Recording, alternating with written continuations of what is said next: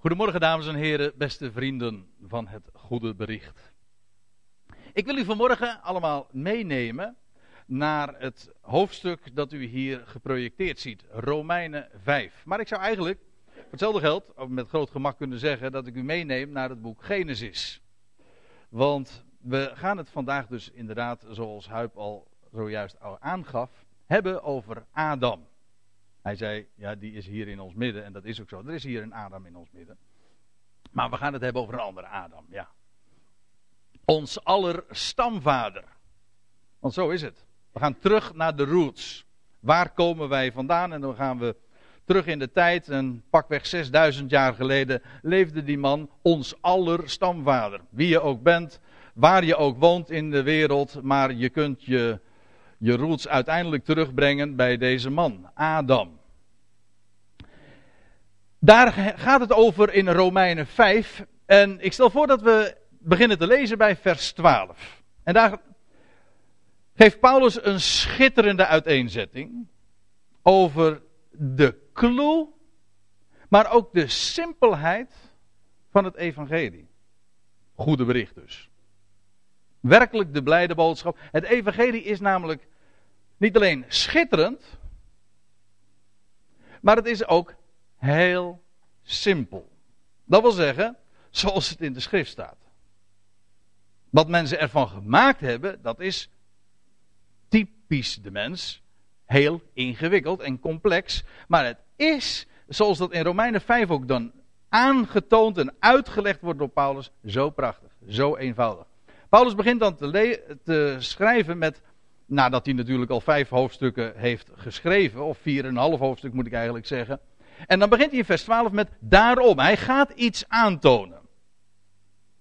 En dan maakt hij trouwens eerst nog een bepaalde omweg en dan komt hij uiteindelijk terug bij dat punt waar hij het nu eigenlijk over wil hebben. Daarom. Kijk, en dan schrijft hij vervolgens daarom gelijk door één mens en dat is dus die Adam waar ik het over had. Ons aller stamvader. Gelijk door één mens. De zonde de wereld is binnengekomen.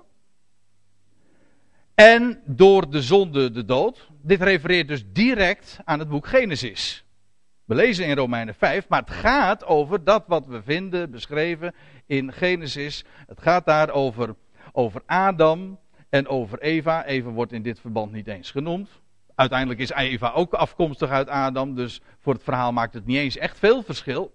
Maar Adam, hij is degene, die ene mens, door wie de zonde in de wereld is gekomen. En we kennen allemaal de geschiedenis, en daar hoef je helemaal geen bijbelkenner voor te wezen, maar we kennen allemaal de geschiedenis van de verboden vrucht. Zo onbenullig zou je zeggen, Zoals het allemaal begonnen is. Maar door die ene vrucht, van die vrucht te eten, die verboden vrucht, zo is de zonde in de wereld gekomen. En God had ook gezegd, als ten dagen dat je daarvan eet, zul je sterven, dus sterven. Zoals dat in de Statenvertaling zo plechtig staat weergegeven. Dat wil zeggen, Adam werd door die misdaad, zo wordt het genoemd. Moet je, je, zal, je moet er eens eigenlijk bij stilstaan wat het allemaal niet ten gevolge heeft gehad. Maar door te eten van die verboden vrucht is hij uit de hof gezet. En had hij geen toegang meer tot, het, tot die boom van het leven. En weliswaar is hij nog heel erg oud geworden. Want zo ging dat in die dagen. In die eerste duizenden jaren van de menselijke geschiedenis. Maar niettemin, hij ging dood.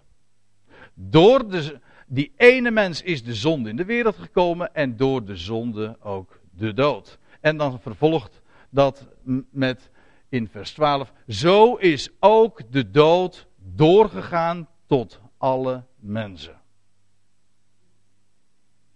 Er staat trouwens niet, zo is de zonde doorgegaan tot alle mensen, dat is wel zo. Maar de dood ging door tot alle mensen. Door één mens kwam de zonde in de wereld. Die zonde bracht de dood met zich mee. Het is eigenlijk een, je moet die zonde zien als een, je zo zou het kunnen vergelijken als een dodelijke injectie. Het had dat hoe dan ook ten gevolge, de dood. Wel, de dood, daarmee is de mens geïnfecteerd en dat is, aangezien Adam de stamvader is van heel die mensheid, Dit is zomaar een foto van een stamboom, een kleine stamboom van een familie. Maar per slotverrekening, we praten eigenlijk ook over een familiekwaal. Adam is de, het hoofd van de familie, van de Adamitische familie zou je kunnen zeggen. En hij is geïnfecteerd met de zonde, of zo u wilt, de dood. En de dood is overgebracht tot alle mensen. Die uit Adam voortgekomen zijn. Ze kunnen allemaal hun stoomboom terug herleiden naar Adam. De dood is doorgegaan tot alle mensen. En dat is in wezen in, in, in een paar zinnen de tragiek van de mensheid. We zijn allemaal stervelingen. We lopen met de dood in onze schoenen. Dat is vooruitzicht. Dat is, dit is geen blijde boodschap natuurlijk, dat begrijp ik wel. Maar dit is wel de achtergrond. Dus donkere achtergrond van de blijde boodschap. Dit is de waarheid. Dit hoef je ook helemaal niet uit te leggen. Dit weet iedereen. Ik, ik, bedoel, we weten allemaal dat we stervelingen zijn. En we weten allemaal dat alle mensen daarmee te maken hebben. Wie je ook bent en ook wat je gedaan hebt. Maakt niet uit of je nou eh, netjes leeft of, of juist niet. Het, gaat, het maakt ook geen verschil wat voor religie je aanhangt, of wat voor denkbeelden je hebt, of wat voor levensstijl je erop nahoudt. Dit geldt voor alle mensen. De dood is doorgegaan tot alle mensen. Nou, dan staat er vervolgens in onze MBG-vertaling tenminste, omdat alle gezondigd hebben. En dat kan natuurlijk dan niet waar zijn.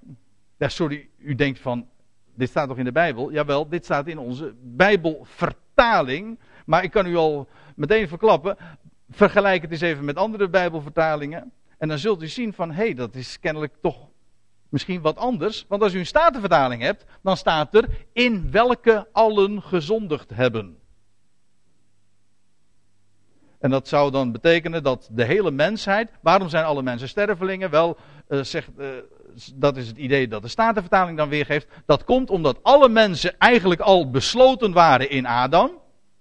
U en ik, we waren er nog niet, maar voor zover we er waren, waren we al in Adam besloten. We komen voort uit zijn lendenen, ook een Bijbelse beeldspraak. Het is eigenlijk meer dan beeldspraak. Daar komen we uit voort. En in Adam zouden we gezondigd hebben. Maar kijk, ook deze weergave klopt niet, want er staat, kijk, wat stond er in het voorgaande? Zo is ook de dood tot alle mensen doorgegaan en dan staat er omdat alle gezondigd hebben. Maar dat is een raar idee. Dat betekent, want dat zou namelijk betekenen dat een mens doodgaat omdat hij gezondigd heeft. Maar hoe zit het dan met kleine kinderen die sterven? Die zich van nog helemaal niets bewust zijn, die ook dus nog niet kunnen zondigen. Toch zijn het stervelingen. Dat geeft sowieso al te denken. Maar weet je wat er letterlijk staat? Als je dat wat zoals Paulus dat heeft weergegeven, Paulus schreef geen Nederlands, Paulus schreef Grieks. Als je het heel letterlijk weergeeft, dan staat er, de dood is doorgegaan tot alle mensen, waarop allen zondigden. Er staat niet in welke, er staat ook niet omdat alle gezondigd hebben, er staat waarop allen zondigden. Dat wil zeggen, waarop? Wel op die dood. Dat is de basis. Waarom is een mens een zondaar? Wel omdat hij een sterveling is de dood is, maakt dat wij zondigen. Dus dus eigenlijk de term erfzonde, zoals die in de, in de theologie en het kerkelijk spraakgebruik zo gewoon is, is geen Bijbelse term. Kijk maar na, je zult hem nergens in de Bijbel tegenkomen, erfzonde. Wat geërfd wordt, is de dood. De dood is doorgegaan tot alle mensen. En dan staat erbij, waarop allen zondigen. Wat Paulus hier naar voren brengt is, de mens is een zondaar, een doelmisser. Wel waarom? Wel vanwege het feit dat hij aan de dood onderhevig is. De dood is als het ware de basis waarop de mens zondigt. Daarom. Je bent niet een zondaar omdat je zondigt. Je zondigt omdat je een zondaar bent. Een sterveling bent. De mens is gemaakt voor het leven. En als hij dus doodgaat, mist hij zijn doel. En dus zondigt hij. Zondigen betekent doelmissen, toch? Kijk, een, waarom geeft een appelboom. Waarom is een appelboom een appelboom? Waarom geeft hij appels? Nou, omdat het een appelboom is. Ook, als die, ook al is het een heel klein boompje en hij heeft nog nooit een appel gegeven, is het toch al een appelboom. Toch? Nou, zo is een mens ook al een zondaar, ook als hij nog helemaal nooit gezondigd heeft. Gewoon, dat zit in de genen. Dat is die namelijk. Dat is zijn natuur. De mens is een. De dood is doorgegaan tot alle mensen. Dat zit in ons DNA, in onze genen, of hoe u het ook maar zeggen wilt. Dat hebben we overgeërfd. En dat maakt dat we zondigen. Waarop allen zondigden. Dan lees ik verder. Want, staat, zegt Paulus dan, reeds voor de wet was er zonde in de wereld. Maar, zegt hij dan, zonde wordt niet toegerekend als er geen wet is. Kijk, moet je even, even goed je realiseren. Als Paulus het hier over de wet heeft, dan heeft hij het over de wet die God via Mozes aan zijn volk Israël heeft gegeven. Maar ik weet niet hoe, hoe u dat in gedachten hebt, maar dat als je de Bijbelse tijdlijn neemt, kijk, die tijd van Adam tot Mozes, dat beslaat zo'n 2500 jaar. De, de eerste 2500 jaar, dus van Adam tot Mozes, dat, dat is in wezen de het grootste deel van de tijd van het Oude Testament. We weten daar helemaal niet zo gek veel van, omdat alleen het boek Genesis daar specifiek over gaat. En het meeste weten we over die periode die dan daarop volgt. Dat wil zeggen vanaf Mozes. Mozes is per slotrekening ook degene, de auteur van de eerste vijf boeken. Of in ieder geval de redacteur daarvan. Maar die laatste de periode van Adam tot Christus, dat is maar, relatief natuurlijk, 1500 jaar. Die eerste periode, dus van Adam tot Mozes, dus wat hier genoemd wordt voor de wet, was er zonde in de wereld. Dat wel. De zonde was wel in de wereld, maar staat er dan bij, die zonde wordt niet toegerekend als er geen wet is. Mensen zeggen wel eens een keertje van, hoe kan je een zondaar zijn als er geen wet is? Nou, hier staat het. Paulus had er al trouwens in het voorgaande hoofdstuk ook al gezegd, in Romeinen 4, waar echter geen wet is, is ook geen overtreding. Dus die eerste 2500 jaar van de menselijke historie heeft de mens geleefd zonder wet. Een man als Abraham kende de wet dus niet. Hij leefde, zegt Paulus in, eh, in, in het boek Galaten, in de brief aan de Galaten, legt hij dat schitterend uit. Dan, dan, dan zet hij uiteen dat een man als Abraham, die had helemaal niet de wet. Hij had alleen maar de belofte. In wezen precies dezelfde situatie, maar dan even anders. Als waar wij nu ook in verkeren. Want wij leven ook niet onder de wet. Ja, ja, volgens een heleboel mensen wel, maar volgens de Bijbel niet. Wij leven niet onder de wet. Wat doen wij? Wij leven eveneens uit de belofte. Of misschien moet ik zeggen, uit de vervulling reeds van de belofte. Want waar Abraham naar uitzag, naar het zaad dat zou komen in wie de hele wereld gezegend zou worden, wel, die is inmiddels gekomen. En het leven heeft hij aan het licht gebracht. Wel, wij leven ook uit belofte. En mensen zeggen, ja, maar dat is maar, dat is uh, gevaarlijk, hè, als, je, als mensen geen wet hebben. Want dan gaan ze, gaan ze heel gek doen. Hè. Weet u wat ik denk? Dat denk ik niet. Dat, dat kunt u ook allemaal regelrecht gewoon in de Romeinenbrief lezen. In de Gelatenbrief, in de Korinthebrief. Paulus zet dat zo duidelijk uiteen. Dat de wet juist de prikkel is van de zonde. Het is niet zo dat de wet de mens beter maakt. Integendeel. Het, de wet toont wel iets aan. Heeft een functie ook. Maar niet om de mens beter te maken. Dat kan ik u vertellen. Afijn. Uh, zonde wordt niet toegerekend als er geen wet is. Dat is logisch, hè? Ik lees even verder. Paulus zet de dingen gewoon heel logisch uiteen in de hele Romeinenbrief. Dat is een schitterende brief, een, prachtig voorbeeld van, van ijzeren logica. Paulus trekt daar gewoon uh, ijzeren conclusies, dingen waar niet aan te ontkomen is. Dat is in dit gedeelte wel een, daar, dat is daar een heel fraai voorbeeld van. Toch staat er dan in vers 14, heeft de dood, als koning geheerst van Adam tot Mozes. Weliswaar stonden ze niet onder de wet. En werd de zonde niet toegerekend. Maar ze waren het ook, die mensen zijn allemaal gewoon dood gegaan. Ook dat waren stervelingen. Het beste bewijs dat ook zij geïnfecteerd waren met de zonde. Toch heeft de dood, staat er, als koning geheerst van Adam tot Mozes. Ja, ook de tijd daarna, maar het gaat er maar eventjes om dat Paulus hier naar voren brengt. Het staat los van de wet. Het, het staat ook los van, van, van je levensstijl. Het is gewoon iets wat je bent. Je bent een Adamiet, een nakomeling van Adam en dus een sterveling. Toch heeft de dood als koning geheerst van Adam tot Mozes, ook over hen die niet gezondigd hadden, op een gelijke wijze als Adam overtrad. Adam had echt een gebod overtreden. Ja, zo gaat het altijd. God had tegen Adam gezegd: van, van die boom zul je, uh, zou je niet eten. En wat doet Adam? Hij eet wel van die boom. Zo werkt trouwens wet in het algemeen. Hè? Dat is een mooi voorbeeld. De eerste keer dat God aan de mens een wet geeft. En dus er ook iets kon overtreden worden, gebeurt dat ook. Nou zou je zo kunnen zeggen van, ja maar als God dat dan wist, uh, waarom heeft hij dan zo gedaan? Want nou is het misgegaan. Nee, het is niet misgegaan. Er is nooit iets misgegaan. Weet u dat? U zegt maar, is was het dan de bedoeling dat de zonde en de dood in de wereld kwam? Niet verder vertellen, ja. We gaan het gedeelte trouwens niet eens meer zo, zo, zo met elkaar bespreken, omdat dat uh, te ver zou voeren. Maar dat staat dus in het vervolg nog van Romeinen 5. Maar laten we even uh, bij, de, bij de tekst zelf blijven. Er staat, uh, de dood is dus uh, doorgegaan, als, die heeft als koning geheerst van Adam tot Mozes. Ook over hen die niet gezondigd hadden, op een gelijke wijze als Adam overtrad.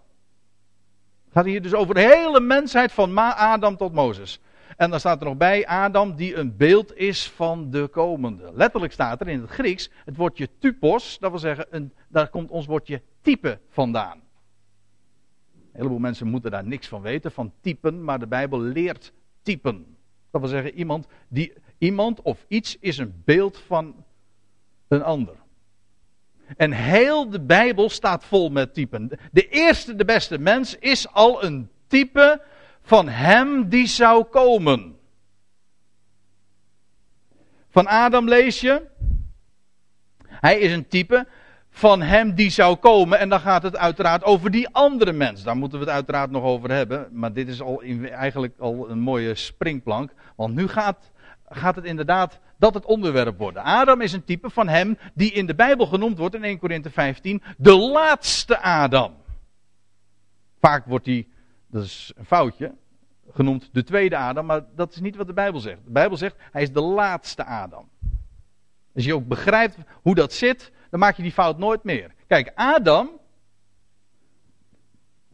door hem kwam de zonde in de wereld en door de zonde de dood en de dood is doorgegaan tot alle mensen. Nou, als, als nou Christus de tweede Adam zou, zou, zou zijn, zou genoemd worden, dan zou je kunnen denken van, nou ja, dan kan het weer opnieuw misgaan. Als het met de eerste misgaat, dan kan het met de tweede weer misgaan. Maar hij is de laatste Adam. Hij is de laatste Adam. Hij is de definitieve versie, als ik het zo mag zeggen. Hij wordt ook genoemd, dat is een beetje ondoorzichtig in onze vertalingen, maar hij in onze, als u in de Bijbel de uitdrukking zoon des mensen tegenkomt, dan staat er letterlijk vanuit het Hebreeuws de Ben Adam. En dat betekent letterlijk de erfgenaam of de zoon van Adam. Hij is dat wat Adam, waartoe Adam gesteld was, wel dat erft hij. Ik bedoel, Adam was geplaatst in de hof om die te bouwen en te bewaren. Wel, u weet, het is al heel gauw misgegaan, daar hadden we het over, en hij is uit de hof geplaatst. Maar hij is een type van de laatste Adam, de Ben-Adam, degene die alle opdrachten en alle beloften die voor Adam, die aan, aan Adam, zeg het maar, gegeven waren, hij zal ze vervullen. Hij is de echte tuinman. Dat dacht Maria Magdalena trouwens ook, hè, toen in de hof. Toen op die dag van de opstanding, toen ze helemaal in tranen was, weet u nog? Dat vind ik zo mooi. Hoe alles in de Bijbel met elkaar samenhangt. Maar dan, dan lees je van Maria was in, in tranen en dan wordt ze aangesproken. En ze wist niet wie het was. Ze dacht dat het de tuinman was. Maar ik denk bij mezelf, Het was ook de tuinman. Maar dan de echte. Degene die gesteld is over de hof. Degene die inderdaad de aarde ook zal gaan maken tot een hof. Die de hof niet, niet een, een klein stuk of een, of een gebied daar in Mesopotamië. Nee, die de hele wereld tot een hof gaat maken. die de hof gaat bouwen en ook zal bewaren. Hij is de definitieve versie. Hij zal waarmaken waartoe, waarin Adam juist uh, faalde. Hij is die, die, die, die, inderdaad de erfgenaam van Adam. Maar nou nog even wat. Hè. Er wordt hier gezegd, hij is die Adam, ons aller stamvader, hij is een beeld, een type, een schaduw of het schabloon, of nou, hoe je het ook maar zeggen wil, er zijn ongetwijfeld nog meer woorden voor. Maar hij is een type van hem die zou komen, de laatste Adam, dus de Ben-Adam, de zoon des mensen. Maar eigenlijk is het nog anders. Of het is nog dieper, want ook Adam was zelf geschapen naar het beeld van. Er wordt hier gezegd, Adam is een beeld van de komende. Maar nou, als je erover doordenkt, bijbelse linken gaat leggen, dan moet je zeggen, die komende, de laatste Adam dus, dat was eigenlijk de eerste, want die ging vooraf aan Adam. Want, want wat lees je in Genesis? Adam, God schiep de mens, staat gewoon letterlijk Adam. Adam betekent gewoon mens in het Hebreeuws. Adam werd geschapen naar het beeld van God. Maar wie is het beeld van God? God is de onzienlijke, maar hij heeft een beeld. Hij heeft iemand gemaakt die zijn beeld is, die zijn representatie is. Nou, daar hoef ik niet over te fantaseren. Ik heb, het, ik heb de moeite nu niet genomen om het te projecteren, maar u kunt het in de Bijbel op, op diverse plaatsen gewoon zwart op wit lezen. Daar staat het. Daar staat dat Christus, de zoon van de, de, zoon van, uh, de geliefde zoon van God, de zoon van Gods liefde, Colossense 1, vers 15. De zoon van, de, van Gods liefde staat er. Hij is het beeld van de onzienlijke God.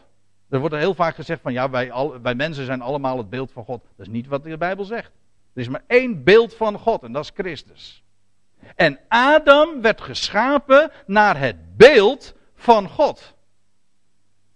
Het beeld van God is Christus. Dus feitelijk is Adam een replica zelf een beeld. Uh, nee, eigenlijk moet ik het zo zeggen. Adam zelf is geschapen naar hem, die na hem zou komen. Maar, maar wie was er eerder? Nou, Christus. Ziet u dat het naar twee kanten toe werkt? Adam was een type van hem die, van hem die zou komen. Maar hij is zelf al geschapen. Die komende, dat, dat was degene die al eerder was. Kijk, wij mensen. Kijk. Het lot van heel de mensheid wordt in feite al beslist door Adam. Maar Adam, hè, wij zijn allemaal in Adam geschapen. Hè, komen uit Adam voort.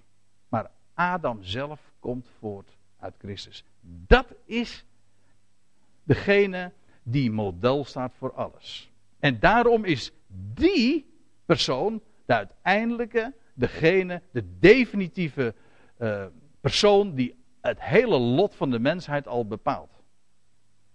Voordat wij in Adam waren, waren we al in Christus. Dat is een diepe, maar denk er maar eens over na.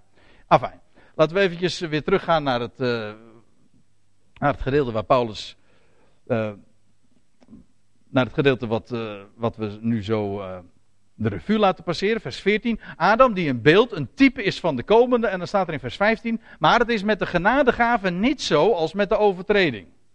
Want indien door de overtreding van die ene zeer velen gestorven zijn. Staat in onze vertaling zeer velen. Moet ik eventjes corrigeren, want staat niet zeer velen. Ik heb op zich niet zoveel moeite met die weergave, maar er staat letterlijk de velen. De velen. Hoezo de velen? De geeft aan dat het een bepaalde groep is. Welke groep dan? Nou, de groep waar Paulus het al eh, eerder over had in die voorgaande versen. De, door één mens is de, de zonde in de wereld gekomen en door de zonde de dood. En de dood is doorgegaan tot alle mensen. Over die groep heeft Paulus het. En dat zijn alle mensen. Maar hier, hier wordt het genoemd de velen, want die allen zijn er velen. Ja, tel ze alleen nu maar eens eventjes. Dat hoeft u niet te doen, want het is allemaal al geteld. Bij benadering, zo'n 6 of ruim 6 miljard mensen die er op dit moment op deze aarde leven. En dan hebben we het nog niet eens over al die mensen die al geleefd hebben. Dat, is, dat zijn alle, Paulus heeft het hier over alle mensen, maar hij noemt het uh, bij uh, herhaling de velen. Het zijn er zo ongelooflijk veel. Maar goed, het is met de genadegave niet zoals met de overtreding, want indien door de overtreding van die ene de velen gestorven zijn. Sommige mensen hebben gezegd, ja, velen, het zijn niet alle. Oh nee, maar dat had juist Paulus toch al in het voorgaande gezegd. Het zijn toch alle mensen? Mensen maken soms een, ja, vooral in het navolgende, ik kom er straks nog even op terug, maken dan een tegenstelling tussen velen en alle. Zeggen ze, ja, maar dat gaat niet over alle. Jawel. Het gaat over alle mensen. Die alle mensen zijn er velen. Dat is allen en velen zijn is geen tegenstelling. Integendeel, dat onderstreept elkaar alleen, dat ondersteunt elkaar alleen maar. Ik lees even verder. Veel meer is de genade Gods. Prachtige term? Veel meer. Dat wordt bij herhaling ook in dit gedeelte zo genoemd. Veel meer. Wat, kijk, het is niet zo dat Christus herstelt dat wat Adam kapot gemaakt heeft, of door Adam kapot gemaakt is. Nee, God geeft door hem die zou komen, na Adam, de laatste Adam, de tweede mens, de zoon van Adam. God maakt, geeft veel meer terug dan dat we kwijtgeraakt zijn in Adam. Alleen dat geeft al aan dat er dus ooit in het begin, daar in de, bij de geschiedenis in de Hof van Eden, niets misging. Dat lijkt wel zo. Dat lijkt wel zo vanwege de tragiek die het afschuwelijke tragiek die het tot gevolg heeft gehad. De zonde en de dood en in al zijn gestalten uh, waarin we dat zien. Jawel. Maar neem eventjes het grote geheel, neem even afstand. Dan zul je zien, en ik hoop het straks ook nog te, te laten zien. En zoals Paulus dat zelf ook naar voren brengt. God geeft zo oneindig veel meer in Christus terug dan dat we in de Hof van Eden kwijtgeraakt zijn. Kijk, zo is, zo is God. Veel meer is de genade Gods en de gave bestaande in de genade van die ene mens, Jezus Christus. Voor zeer velen. Nou, dat, hier staat weer diezelfde term. De velen dus overvloedig geworden. Ik lees verder. En het is met het geschenk niet zo als door het zondigen van één. Want het oordeel, dat leidde van één overtreding tot veroordeling. Maar de genadegave van vele overtredingen tot rechtvaardiging. Omwille van de tijd ga ik even nu verder. Want, schrijft Paulus, indien door de overtreding van die ene. Nou, dat is duidelijk hè. De overtreding van die ene, Adam dus. De dood als koning is gaan heersen door die ene. Veel meer, heb je weer die term. Veel meer zullen zij die de overvloed van genade eh, als God genade geeft, dan doet hij dat niet, dan doet hij dat niet mondjesmaat. Nee, overvloeiend. Hij geeft veel meer nog dan we nodig hebben. Dat is, dat is wat overvloed is. Hè? Als je beker overvloeit, dan, dan, heb je, dan krijg je er meer in dan, je, dan dat je eigenlijk aan kan. Wel, God uh, als ik het zo mag zeggen, verkwist zijn genade aan ons. Genade, dat kent bij hem geen, geen limits. Hij geeft overvloed van genade. Veel meer zullen zij die de overvloed van genade en van de gave van gerechtigheid ontvangen, leven. Over welk leven heeft hij het hier? Wel, dat is niet zo moeilijk. Dat had Paulus trouwens in het voorgaande al uiteengezet. Maar hij heeft het over het leven dat aan het licht kwam daar in die hof waar we het over hadden. Die hof waar de laatste Adam Maria aansprak, waarvan ze dacht dat het de tuinman was, weet u wel. Dat leven. Kijk, hij bracht leven aan het licht. Als het hier gaat over leven, dan gaat het niet over, over dat wat wij hier kennen. Kijk, wij noemen dit leven, wat wij in onze body hebben en wat het, wat het hele fenomeen. Wij spreken over leven, maar de Bijbel noemt dat fundamenteel geen leven, maar sterven. Dat wil zeggen, als je het afzet tegen, tegen dat wat werkelijk leven is, is dit geen leven wat wij in, is dit geen leven wat wij in onze lichaam hebben. Wij, wij leven niet, nee, wij zijn bezig dood te gaan. Ons leven, zegt de, de catechismus, of wat is het, de doopformulier, is niet anders dan een gestadige dood. We zijn langzaam bezig dood te gaan. Hoe langzaam, dat maakt even niet uit. Maar het feit wordt gewoon gesteld. En wat Christus, de laatste Adam, aan het licht bracht toen de steen werd weggewenteld, wel, dat was werkelijk leven, omdat het de dood achter zich heeft. De dood is overwonnen. Hij bracht onvergankelijk leven aan het licht. Wel over dat leven gaat het hier. Veel meer zullen zij die de overvloed van genade en van de gave van gerechtigheid ontvangen, leven. En als koningen heersen door die ene, Jezus Christus. Derhalve, gelijk. Kijk, nou hebben we een heel eventjes puntjes op die zetten. We hebben nu inmiddels een heel aantal zinnen gelezen. Maar feitelijk waren dat tussenzin. Was dat een één grote tussenzin. Doet Paulus wel vaker. Dat maakt zijn betoog soms wat zwaar om te verstaan. Hij heeft zoveel te vertellen, daarom, vandaar die tussenzinnen dus. Maar Paulus begon in vers 12 met een vergelijking. Maar hij had die vergelijking niet afgemaakt. Kijk, wat had hij gezegd in vers 12? Ik, ik, we zijn daarmee begonnen, maar wat lazen we? Daarom, gelijk door één mens, de zonde, de wereld is binnengekomen en door de zonde de dood. Nou, als je zegt gelijk, dan, moet je een, dan maak je een vergelijking dus. Dan moet je die afmaken. Maar Paulus had nog steeds niet de vergelijking afgemaakt. Hij was eigenlijk gaan uiteenzetten hoe dat nou zit met die zonde en met die dood enzovoort. Maar hij had de vergelijking nog steeds niet afgemaakt. En nou pakt hij in vers 18 weer de draad op die hij in vers 12 had losgelaten. Derhalve gelijk. Hij, hij, hij begint nu weer, hij gaat nu datgene zeggen wat hij al in vers 12 eigenlijk al, al had naar voren willen brengen, maar eh, er waren nog dingen te zeggen, dus die schreef hij eerst. Vers 18 maakt af wat in vers 12 begonnen was. Daarom gelijk door één mens. Nou goed. Derhalve gelijk. Gelijk het door één daad van overtreding. Voor alle mensen tot veroordeling gekomen is. Is dit moeilijk? Te begrijpen? Nee, toch? Ik, ik zei bij het begin: het evangelie is simpel. Dat is ook echt simpel. Omdat het gaat over één iemand, dus met recht eenvoudig. En één iemand die door wie iets gebeurd is, dat zijn gevolgen heeft, zijn effecten heeft voor heel de mensheid. Dat is simpel, waarom? Omdat het namelijk geen uitzonderingen kent. U weet, regels die worden zo ingewikkeld dat is niet vanwege de regels, maar vanwege de uitzonderingen op de regels. Dat maakt dingen zo complex. Daarom is de belastingwetgeving zo complex, omdat als er een regel gemaakt wordt, worden er tevens weer 25 uitzonderingen op de regel gemaakt. Maar dit is simpel, omdat het gaat over één mens, door wie de zonde in de wereld gekomen is en door de zonde de dood, en de dood is doorgegaan tot alle mensen. En het is simpel, omdat er geen uitzonderingen op bestaan. Het is gewoon een vaststelling. Alle mensen zijn stervelingen. Hoe komt dat? Nou, ga terug in de tijd. Ga terug naar ons allerstamvader Adam. Daar moet je wezen. Zo is het gekomen.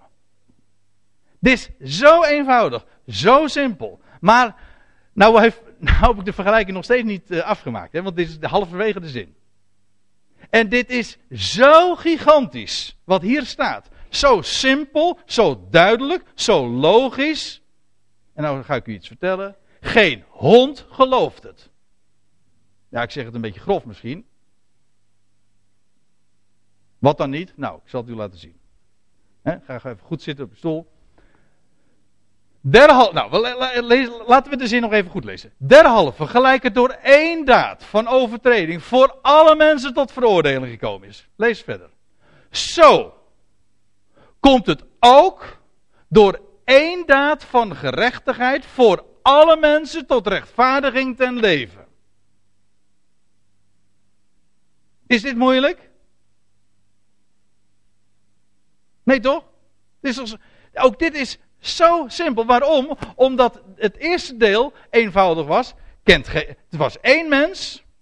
één daad van overtreding. Dat wil zeggen, hij. De, het plukken van de, van de verboden vrucht. Dat is die, daad van over, die ene daad van overtreding. Wel, dat bracht veroordeling voor alle mensen. Nou, zo. Dus dat wil zeggen, op dezelfde wijze. Dat is een vergelijking. Zo komt het ook door één daad van gerechtigheid. En wat rekent God tot gerechtigheid? Dat was geloof. Wel, er was er één die kwam en die gaf zichzelf in geloof, in gehoorzaamheid. En hij was gehoorzaam, gelovig tot de dood, staat er, Filippenzen 2, tot de dood van het kruis. Hij gaf zijn leven.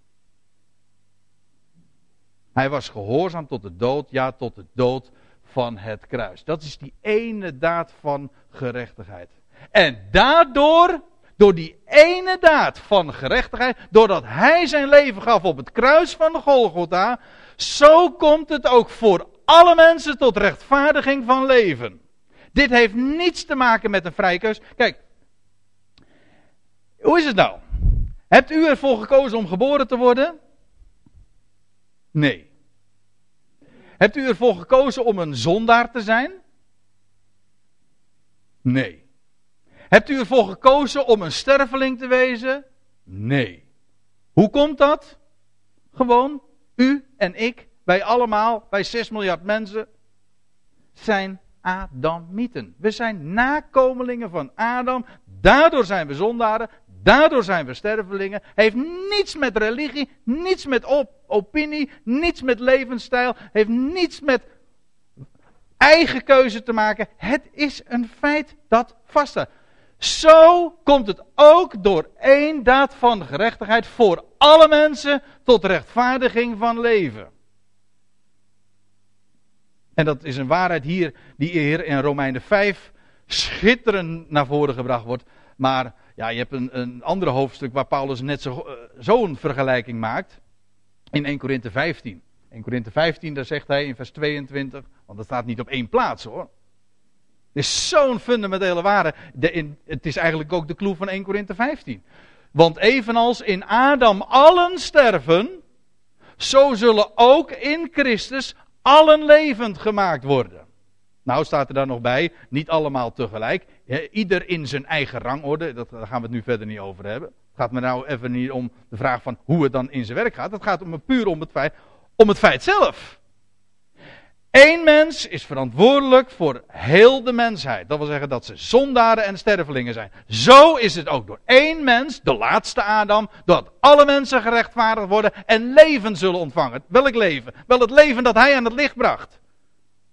Daar in die hof, bij die weggewentelde steen. Dat leven zullen ze ontvangen. En ze zullen worden gerechtvaardigd. Weet u wat dat betekent? Dat ze worden gerechtvaardigd. Hoe wordt een mens gerechtvaardigd? Wat is voor God een rechtvaardige?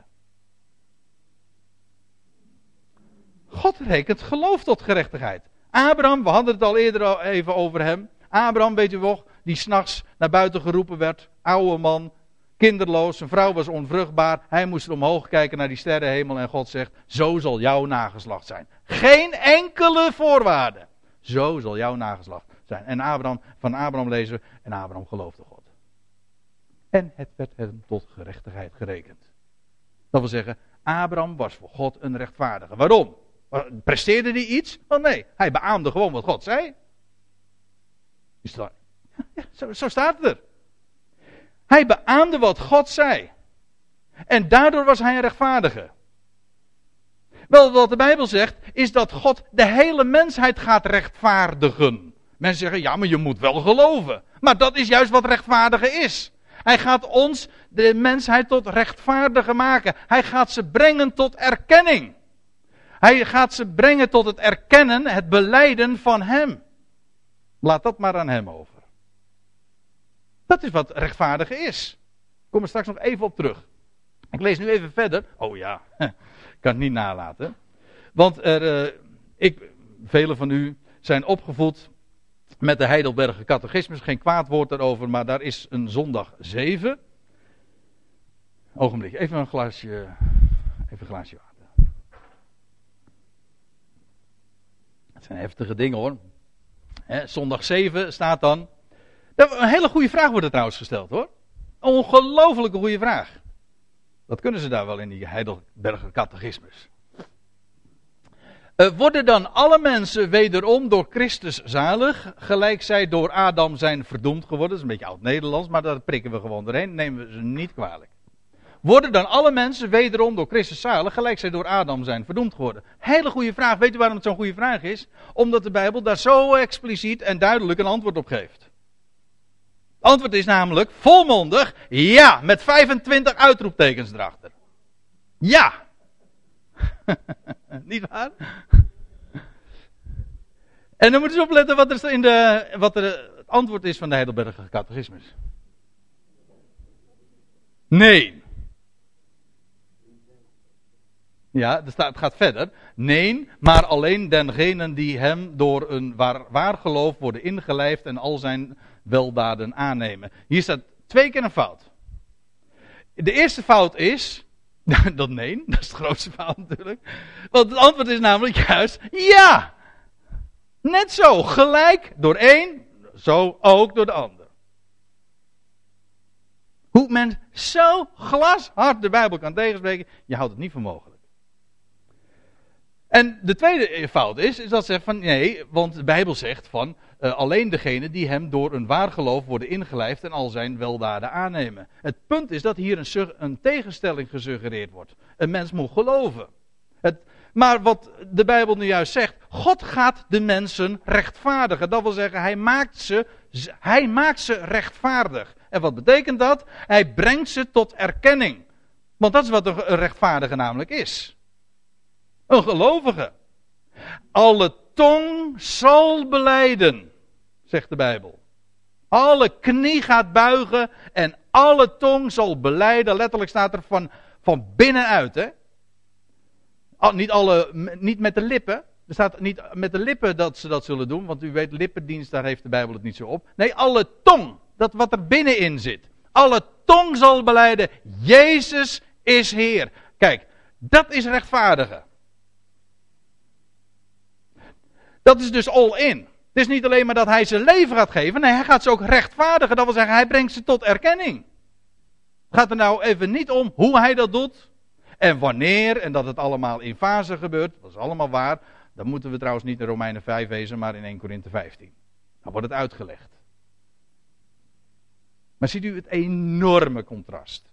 Tussen wat, we, wat Paulus in Romeinen 5 naar voren brengt en wat men ervan gemaakt heeft. Want ik, kijk, ik citeer hier de, de Heidelberger catechismus, maar even voor de goede orde. U zult, het in alle documenten, de officiële documenten van in het kerkelijk leven van de christenheid, zult u het zo terugvinden. Op een soortgelijke manier. Het hart van het evangelie. Je zou eens een keertje moeten ontkennen van dat alle mensen zondaren zijn. Hè, binnen de orthodoxie. Hè? Staat toch duidelijk één mens, alle zondaren? En dat maar dat is, niet, dat is niet het evangelie, dat is de donkere achtergrond, die zo waar is als het maar kan. Waar we eh, dagelijks ook mee geconfronteerd worden met die waarheid. Maar zo staat er, zegt Paulus, zo door één mens en door één daad van gerechtigheid, zullen alle mensen gerechtvaardigd worden ten leven. Zo. En dan kunnen mensen zeggen wat ze willen en dan kunnen ze dan kunnen ze bogen misschien op eeuwen traditie, want de theologen en de kerkelijke autoriteiten hebben het altijd zo geleerd. Dan zeg ik, sorry, maar dat is dan mooi wel naast. Het is zo'n. Kijk wat Paulus naar voren brengt. Het is simpel, het is eenvoudig, het is logisch. En bovendien, het is zo machtig. Zo'n machtig. Ik lees nog even verder, hè, vers 19. Wat Paulus zegt, gaat dan verder. Want gelijk door de ongehoorzaamheid van één mens, zeer velen. Nou, was het ook alweer? Dat was de velen. Hè? Over welke velen gaat het hier? Van één mens de velen zondaren geworden zijn. Wie zijn dat? Dat zijn dus alle mensen. Maar aangezien dat er zoveel zijn. Hm? Ja, tel ze maar eens even. Dat zijn de velen. Dat zijn, nou, dit zijn niet de velen, maar het zijn er wel velen.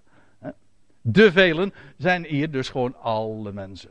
Alle nakomelingen van Adam. Want gelijk door de ongehoorzaamheid van één mens de velen zondaren geworden zijn. Als u een statenvertaling hebt, staat veel mooier en ook correcter weergegeven. Want er staat niet dit, er staat niet geworden zijn, Er staat letterlijk gesteld zijn. In die positie, daar heb je niet voor gekozen. We zijn het ook niet geworden door onze, door, uh, in, de loop van de tijd of zo. Nee, we zijn er toe gesteld. God is degene die alles zo geplaatst heeft. En het wordt hem hoogst kwalijk genomen. En in wezen begrijp ik het ook wel. Dat, dat mensen dan zeggen van ja, maar ik heb het. Hoe vaak heb ik het ook niet vanuit mijn eigen jeugd, in mijn eigen jeugd gehoord. Maar ik, hoe, wat kunnen wij er nou aan doen dat we zondaren zijn? Ik heb er toch niet voor gekozen? Kan ik het helpen dat ik een nakomeling van Adam ben? Ja, maar ik ben er toch erg blij mee. Want de andere kant is namelijk. Zo zullen ook door de gehoorzaamheid van één, de laatste Adam, die zich overgaf tot de dood, ja tot de dood van het kruis, door hem, door de gehoorzaamheid van één, zeer velen, ik lees weer goed, de velen rechtvaardiger worden. Ook hier staat weer tot rechtvaardige gesteld worden. Heeft niets met uw keuze te maken. Staat er volkomen los van. God heeft dat zo bepaald. Hij doet dat. Hij heeft besloten en hij heeft het ook zo gerealiseerd. We zien dat ook. Alle mensen zijn zondaren, alle mensen zijn stervelingen. Zo zullen ook door één mens alle mensen gerechtvaardigd worden en leven ontvangen. En dat is zo'n machtige boodschap. Weet u, dit, hoeven dit hoef je niet te slijten. Je hoeft geen, we hoeven geen bekeerlingen te maken. We hoeven dit niet te verkopen. Dit is niet een product dat we kwijt moeten. Dit is gewoon een bericht. Ik vertel het u. En u vertelt het wellicht aan anderen. Dat, zo gaat dat, hè? Daar, daar is het ook een bericht voor. Je, het is een bericht. Of mensen het nou geloven of niet, het is een bericht. En ik weet, en ik weet zeker, het is een heel goed bericht. Ik kan het namelijk tegen iedereen vertellen. Ik kan tegen iedereen zeggen, jij bent een zondaar, een sterveling. Dan zeg ik, ja, nou misschien sputteren ze tegen, maar ja, uh, alle mensen zijn stervelingen. Ook dat is een bericht, maar het is geen goed bericht. Het goede bericht is dat alle mensen vanwege die ene, 2000 jaar geleden, die zich gaf aan het kruishout van Golgotha. Wel door zijn daad van gehoorzaamheid en door zijn geloof, door die ene daad, zal heel de mensheid gerechtvaardigd worden en het leven ontvangen. Vertel het maar. En als ze het niet geloven, nou en? Het is, blijft toch waar hoor. Maar weet u wat het mooie is? Eh, dat, is, dat zo, zo gaat het namelijk met een bericht. En met dit bericht, dit is, Paulus zegt in Romeinen 1 vers 16. Het evangelie is een kracht gods voor een ieder die het gelooft. Op het moment dat je dit bericht gaat geloven, dat is zo'n enorme kracht.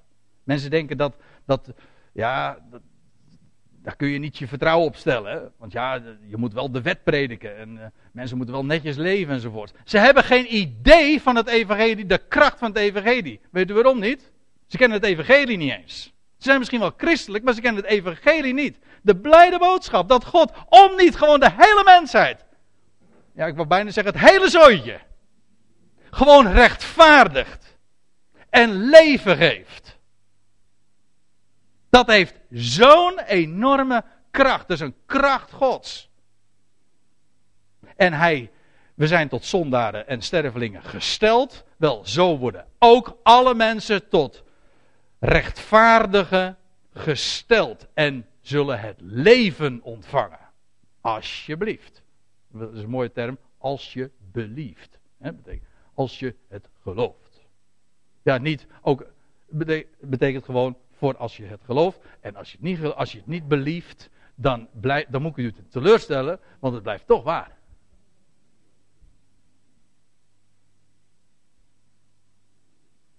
Er zijn er altijd natuurlijk een aantal tegenwerpingen. Moeten we toch eventjes uh, nog uh, ter afsluiting. Uh, drie tegenwerpingen wil ik noemen. Even serieus nu. Ja, niet dat ik het voorgaande niet serieus was, maar uh, dit moeten we ook ernstig nemen. Tegenwerking. Een mens kan toch verloren gaan? En dan zeg ik. Dat is een bijbelse tegenwerping, hè? Maar het is geen echte tegenwerping. Want het is namelijk niet zo van, ja, is het nou zo dat wat hier staat in Romeinen 5, dat alle mensen gerechtvaardigd worden en leven zullen ontvangen, is dat nou de waarheid? Of is het waar dat de mens verloren kan gaan? Dan moet je niet de keuze maken van, ja, ik kies voor het een eh, en de ander kiest voor het ander. Nee, je, moet, je zou geloven alles wat de schrift zegt. Want de Bijbel is er gewoon volstrekt duidelijk in dat de mens inderdaad verloren kan gaan. Dat is waar. Maar ik moet eigenlijk nog sterker vertellen: alle mensen zijn verloren. Ja, toch? En er is één voorwaarde om gevonden te worden. Weet u wat de voorwaarde is? Je moet eerst zoek zijn. Ja, anders kan je niet gevonden worden. Dat is de voorwaarde. Een mens kan toch verloren gaan? Ja, maar ik ken ook iemand die is gekomen om het verlorene te zoeken en te vinden. En van wie ik ook lees in mijn Bijbeltje, Lucas 15, vers 4, onthoud hem. Die ging zoeken, u weet, hij was dat schaapje kwijt. Hij ging zoeken hoe lang? Niet totdat hij er geen zin meer in had, of totdat het uh, hopeloos was, of totdat het schaapje zich niet uh, meer liet vinden, want die was, was zo eigenwijs. Want dat is de mens natuurlijk, want eh, het was een schaapje, maar het had ook een bok kunnen wezen. Maar nee, er staat, hij ging het zoeken, hij ging het verlorene zoeken, totdat hij het gevonden had. Wij weten waarom, die herder was iets kwijt, het was van hem.